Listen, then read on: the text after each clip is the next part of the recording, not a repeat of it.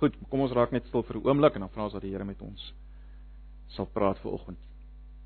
Ja Here, ons kom nou na U toe en ons vra dat U U woord sal gebruik deur die werking van die Gees om ons te vertroos, te ver, te bemoedig in hierdie oggend. Waar baie van ons vanoggend baie hartseer is. En ja, dalk nie net die familie van JS Junior nie, maar ander van ons in die gemeente wat vanoggend deur moeilike dinge gaan, stryd, worsteling in hul persoonlike lewens, familielewens. Here, ons oë is op U gerig om te beweeg onder ons vanoggend te werk, U self groot te maak. Asseblief, ons vra dit in Jesus se naam. Amen.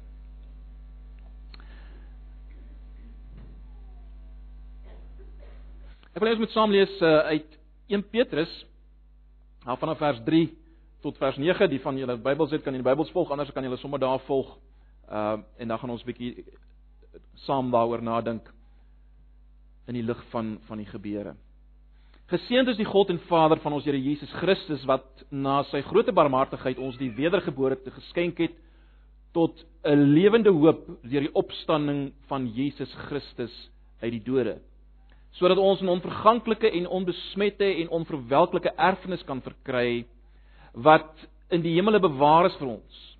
Wat in die krag van God bewaar word deur die geloof tot die saligheid wat gereed is om geopenbaar uh, geopenbaar te word in die laaste tyd.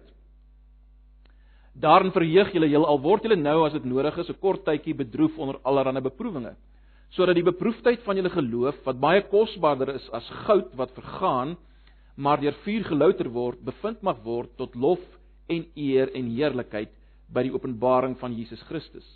Vir wie julle al het julle hom nie gesien nie, tog liefhet, en wie julle al sien julle hom nou nie, tog glo en julle verbly met 'n onuitspreeklike en heerlike blydskap en die einddoel van julle geloof, die saligheid van julle siele verkry.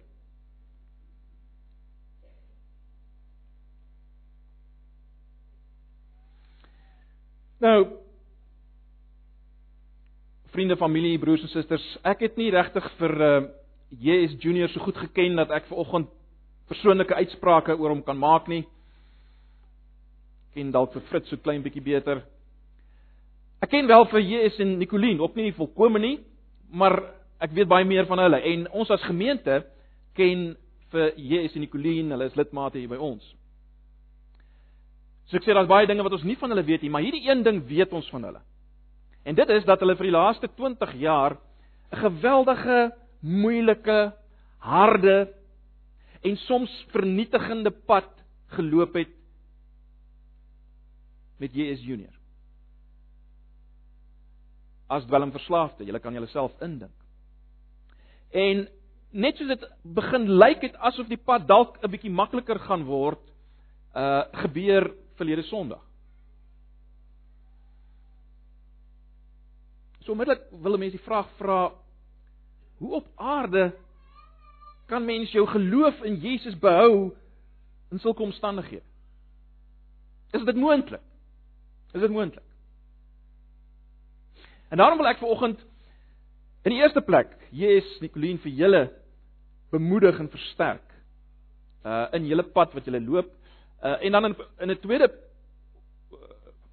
Eh, op op 'n tweede manier wil ek graag enige een uh vanoggend wat deur swaar kry gaan worstelstryd gaan lyding van een of ander aard gaan uh, wil ek julle bemoedig en versterk en in die lig van wat ons sien in hierdie blaadjie van JS Junior uh glo ek ons gaan iets sien van of iets sien wat ook betrekking het op hom en waarskynlik in sy stryd en sy worsteling waarvan ons baie min weet in hierdie laaste tyd. So dis wat ons volgende gaan doen. Nou in die gedeelte wat ons gelees het, gee Petrus vier redes waarom Christene nie net in 'n tyd van swaar kry en beproewing soos die waardeur gele gegaan het, jy is Nicoline en baie van julle Petrus gee vier redes waarom ons in sulke tye nie net dit kan verdra nie maar selfs vreugde, blydskap kan hê te midde daarvan. Ek sê te midde daarvan want ons moenie en ons mag nooit blydskap hê oor die swaar dinge wat oor ons kom nie, maar ons kan hê te midde daarvan. En Petrus gee vier redes hoekom ons dit uh so kan beleef. Let op, ek het gesê hy gee vir Christene vier redes. En dit is baie belangrik. Uh hierdie is nie dinge wat hy sê maar net vir mense in die algemeen wat deur swaar tye gaan en iemand aan die dood afgestaan het. Sommige so vir almal om bemoediging te kry. Dit gaan spesifiek oor Christene. Nou wat is 'n Christen? Wel, as ons net na hierdie gedeelte kyk, is 'n Christen iemand wat wedergebore is. Vers 3. Uh die 83 vertaling sê hy het vir ons nuwe lewe geskenk. 'n Christen is iemand wat nuwe lewe ontvang het. En jy sal dit weet. Ja, ons is nie almal altyd op die toppunt van geestelike ervaring en bewustheid van ons nuwe lewe nie. Ons gaan deur moeilike tye. Tye soos jy is junior deur gegaan het, tye van verslawing, tye moeilike tye waar mens nie altyd so sterk bewus is van die nuwe realiteit in jou nie, maar daar sal altyd iets van 'n bewustheid wees van ek het iets anders. Ek het 'n nuwe lewe ontvang te midde van al my worsteling en stryd en droogmaak. Daar is iets anders in my. Daar is iets anders in my. So Christen is in die eerste plek iemand wat nuwe lewe ontvang het, wat gewederbaar is. 'n Tweede ding wat in hierdie gedeelte na vore kom in vers 8. Ehm uh, as vandag daar kyk word gepraat van geloof. Daar word gepraat van geloof. Uh in die hele gedeelte kom geloof ook sterk na vore. Geloof in Jesus.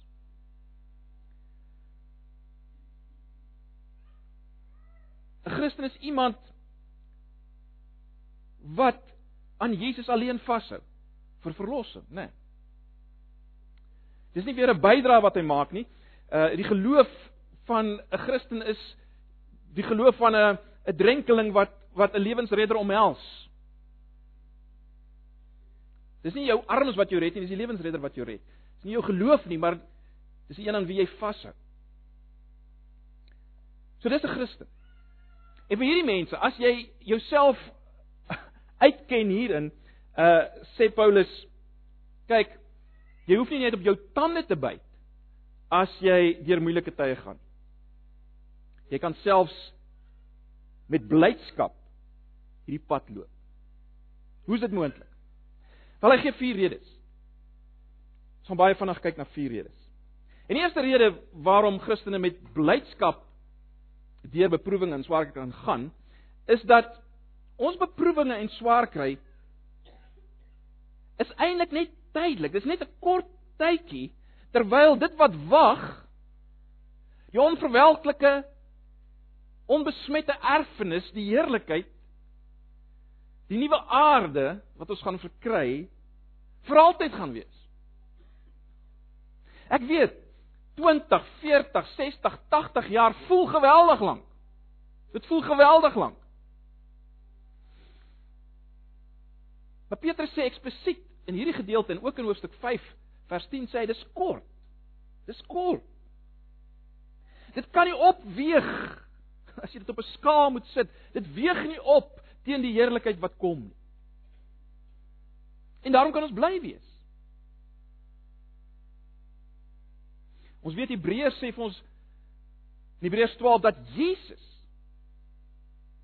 dat Jesus sy lyding verduur het ter wille van die vreugde van dit wat gewag het. Baie interessant. Paulus het ook 'n sommetjie gemaak in sy brief aan Romeine in hoofstuk 8 vers 18. Hy sê want ek reken dat die lyding van die teenwoordige tyd nie opweeg teen die heerlikheid wat aan ons openbaar gaan word. So dis die eerste rede waarom ons met blydskap hierdie pad kan loop te midde van allerlei beproewinge van allerlei aard, ook soos die wat jy hele gegaan. Dis die eerste rede. Die tweede rede is dat hierdie hierdie verdrukking waardeur ons gaan, hierdie swaar kry, hierdie lyding, net soos jy dit wil noem, is tot ons voordeel. Dis nie maar net iets wat moet verbygaan nie. Dit het 'n doel. Dis tot ons voordeel. Hoe so? Hoe hoe's dit moontlik? Wel, in die hele gedeelte sê Petrus dat dat God ons bewaar vir die saligheid. Hy bewaar die dit wat wag, bewaar hy vir ons en hy bewaar ons vir dit. En die instrument as te ware waardeur hy ons bewaar is geloof. Dis die dis die manier waardeur hy ons bewaar, sê hierdie gedeelte. En daarom is dit so belangrik dat hierdie geloof van ons, hierdie geloof in Jesus dat hierdie geloof sal sterk bly, geoefen bly. Dat ons geloofspiere nie sal atrofieer nie. Dat ons tot die einde toe sal kan bly glo. Ons geloofspiere moet dus getoets en versterk word. Dis goed vir ons.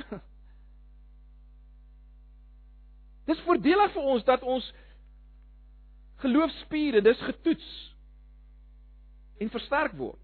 En die manier waarop dit gebeur is deur beproewing. Dis deur beproewing. Ons geloof word deur beproewing gesuiwer van alle valse motiewe en bybedoelings. En daarom moet dit ons nie verbaas as ons deur moeilike tye gaan nie. Ons moenie begin twyfel aan God se liefde as ons deur moeilike tye gaan nie. Tye soos waardeur Jesus en Nicoline gegaan het. Ons, ons moenie begin twyfel aan sy liefde nie. Want God gebruik hierdie dinge, hy bestuur dit sodat ons geloof en vertroue in hom versterk kan word, geoefen kan word. Want hy weet waarmee hy besig is en waarna toe hy ons gaan vat wat soveel meer is, soveel heerliker, soveel langer. So ons hoef nie te twyfel aan sy liefde nie. Hy deurkruis al die negatiewes en maak positiefes daarvan. Hy's op pad met ons. En daarom kan ons bly wees. Ons kan bly wees. Want hy's besig met ons. Hy's besig met ons. Nie die noodklot wat besig is met my nie. God is besig met my. Nie die duiwel wat besig is. God is besig met my. Hy vorm my. Miskien sal iemand sê maar wag, wag, Jakobus sal sal al die beproewinge en dinge waardeur 'n Christen gaan nie maak dat hy of sy hulle geloof verloor nie. Sal dit nie hulle geloof vernietig nie? En die antwoord is nee. Dit het nie Nicoline en Jesus se geloof vernietig nie. En baie baie ander waarvan ek weet wat nog deur moeilike dinge gegaan het. En die rede daarvoor word hier gegee, uh, hierdie gedeelte maak dit baie duidelik dat ons geloof is soos goud in 'n smeltoond. En goud word nie in 'n smeltoond deur die vuur vernietig nie, maar goud word skoongemaak, gesuiwer deur die vuur.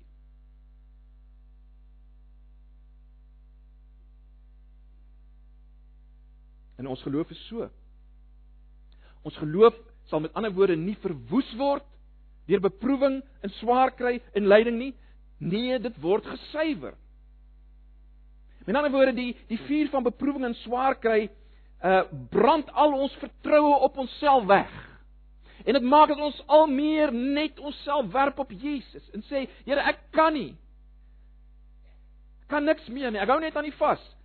En dis wat geloof is, dis wat geloof ten diepste is. Van die begin tot die einde is dit wat geloof is in ons lewens. So beproewing beweeg ons so in. Dit beweeg ons so.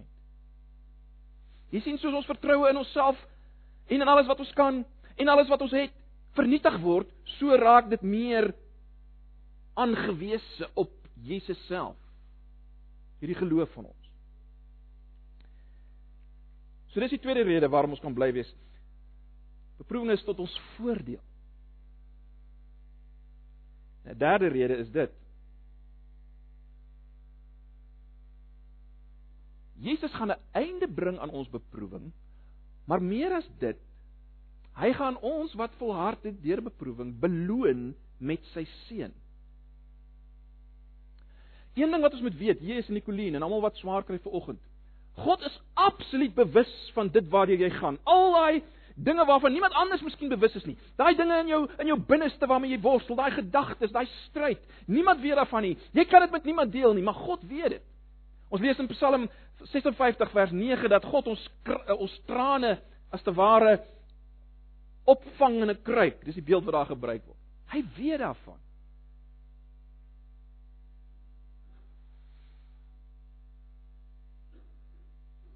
En daar wag 'n kroon van heerlikheid. Uh in hoofstuk 5 van van dieselfde boek in 1 Petrus praat Paulus van daardie kroon van heerlikheid. Ons geloof, sê hierdie gedeelte, sal in daardie dag as kosbaar bewys word. Dit sal lei tot die ontvangs van lof, eer en heerlikheid. Lof, eer en heerlikheid. Dit sal as te ware blink. Soos gesuiwerde egte goud. Dit sal bewys word as kosbaar. Jy sien deur ons geloof deel ons in die heerlikheid wat Jesus reeds het. In hoofstuk 5 vers 1 van 1 Petrus uh sê Petrus dat as Jesus weer kom sal sy heerlikheid geopenbaar word. Sy heerlikheid.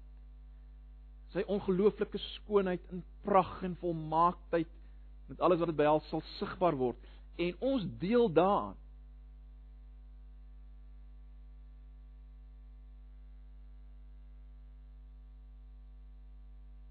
Kom ek lees vir julle net twee verse wat wat dit alles baie mooi stel ook. Eerste een is in dieselfde hoof eh, in dieselfde boek Petrus, hoofstuk 5 vers 10. Sê Petrus en mag die God van alle genade self wat ons geroep het tot sy ewige heerlikheid in Christus Jesus, daar's dit. Nadat ons 'n kort tydjie gelei het, daar's die kort tydjie, julle volmaak, bevestig, versterk en grondves.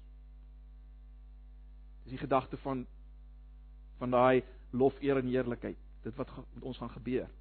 Paulus in 2 Korintiërs 4 vers 17 gee die volgende vir ons weer. Dit is 'n geweldig aangrypende vers. Hy sê uh, dis is die 53 vertaling dit stel. Hy sê want ons ligte verdrukking. uh, as jy nou dink waar Paulus gegaan het, wel bittermin van ons het deur enigiets naaste by gegaan waar hy gaan en hy sê dis ons dis ligte verdrukking. Hy sê want ons ligte verdrukking wat vir 'n oomblik is, daar's weer die kort tydjie. Wat vir 'n oomblik is in vergelyking met wat kom hierdie ligte verdrukking bewerk vir ons 'n alles oortreffende ewige gewig van heerlikheid. Dis amper asof hy sê ons ons swaar kry is soos geld wat jy belê in 'n bank en dit trek rente. Dit werk vir jou. Ons swaar kry. Al die dinge wat deur julle gegaan het. Is Nicolien, bewerk het alreeds vir julle bewerk 'n ewige gewig van heerlikheid. Moeilik om dit in te dink. En die laaste rede sluit hier by aan Deur volhardende, gesuiwerde geloof sal ons eer, lof en heerlikheid aan God bring en en die, die gedagte alleen behoort vir ons vreugde te gee.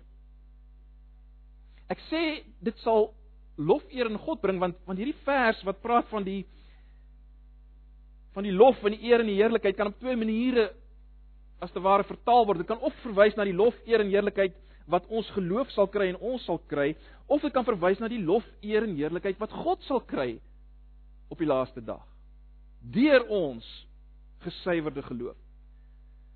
Maar die twee staan nie eintlik teenoor mekaar nie, nê. Nee, dit dis eintlik een en dieselfde ding. Ons weet byvoorbeeld uit Openbaring 4 vers 9 tot 11 dat dat wanneer ons dis die beeld wat ons daar kry in Openbaring, wanneer ons krones gaan ontvang,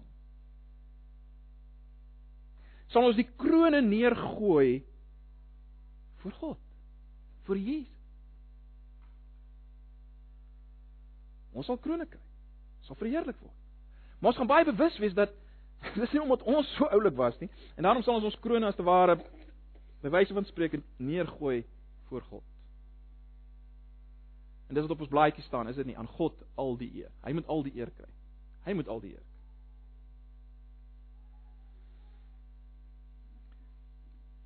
Ek sluit af. Die ou Skotse prediker Samuel Rutherford, ek weet nie of julle van hom al gelees het nie. Hy het gesê op 'n stadium grace grows best in winter. Grace grows best in winter.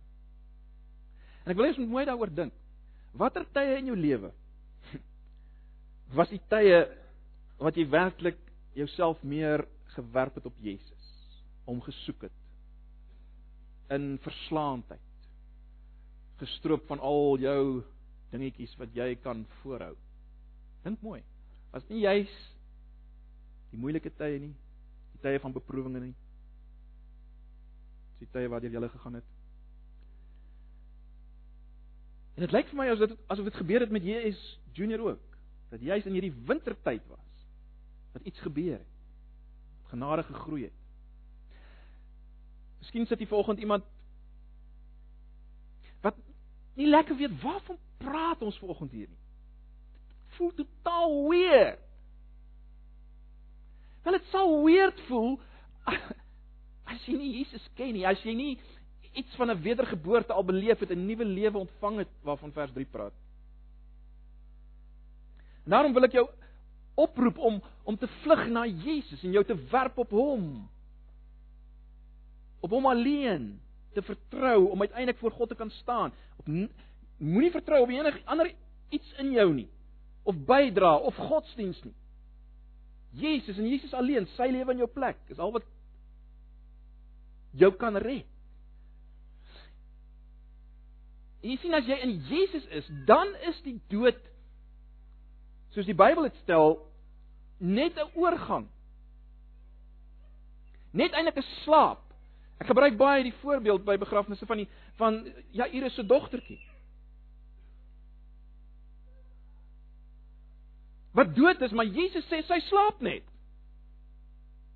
En in die res van die Nuwe Testament, baie interessant, word daar na die dood van gelowiges dikwels verwys as slaap. Paulus verwys ook daarna.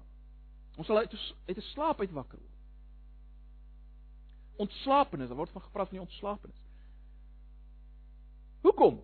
Want die oorgang na lewe vind nou reeds plaas deur geloof in Jesus en en en die dood maak geen verskil daar nie.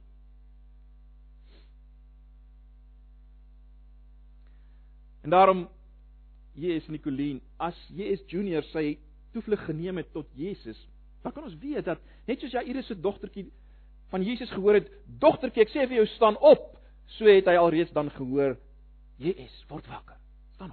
Word wakker. Dis wat sal gebeur. Eenvoudig soos dit.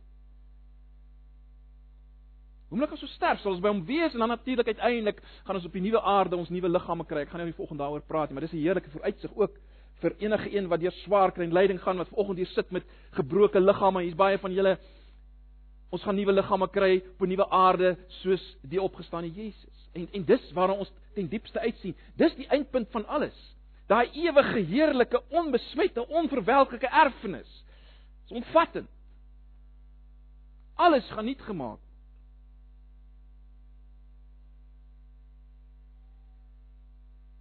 Want ons het nou reeds die nuwe lewe.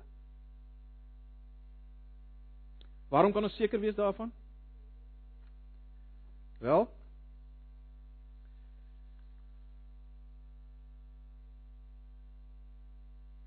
Kan seker wees daarvan as gevolg van dit waarvan vers 3 praat. Die opstanding van Jesus. Die opstanding van Jesus. Al hierdie dinge is vas en seker as gevolg van een ding en dit is die opstanding, die historiese werklike opstanding van Jesus Christus in die geskiedenis uit die dood.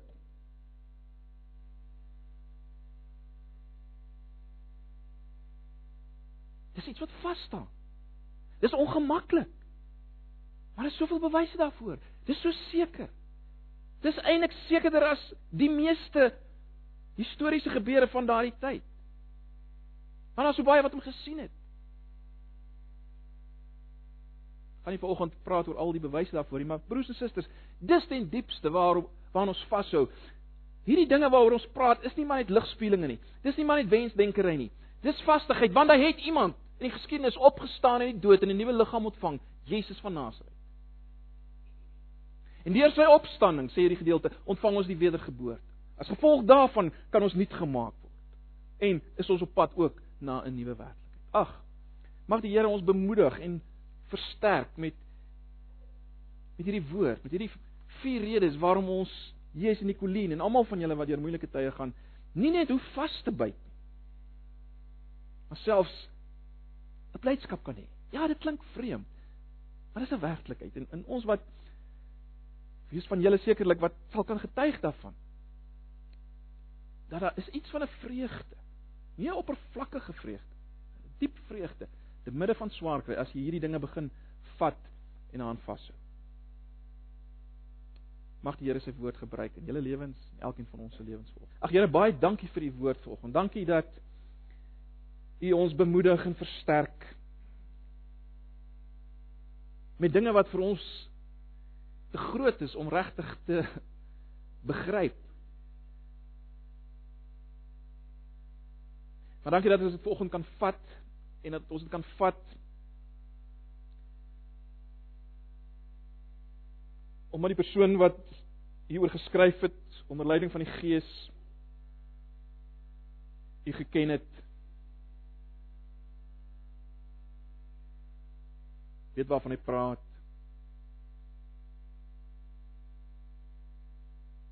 self deur lyding gegaan het. Ag Here, gebruik u woord deur die Gees om elke hart wat ver oggend stikkend is, swaar kry, deur beproewing van watter aard ook al, wil jy hulle vanoggend bemoedig, versterk deur hierdie woord, maar ook deur u teenwoordigheid. Wek in ons elkeen vanoggend weer 'n liefde vir u. 'n Liefde wat sal maak dat ons al meer blydskap ook sal hê te midde van hierdie beproewing. Asseblief, met die genade van ons Here Jesus en die liefde van God en die gemeenskap van sy Gees met julle ook wees en bly in hierdie week. Amen.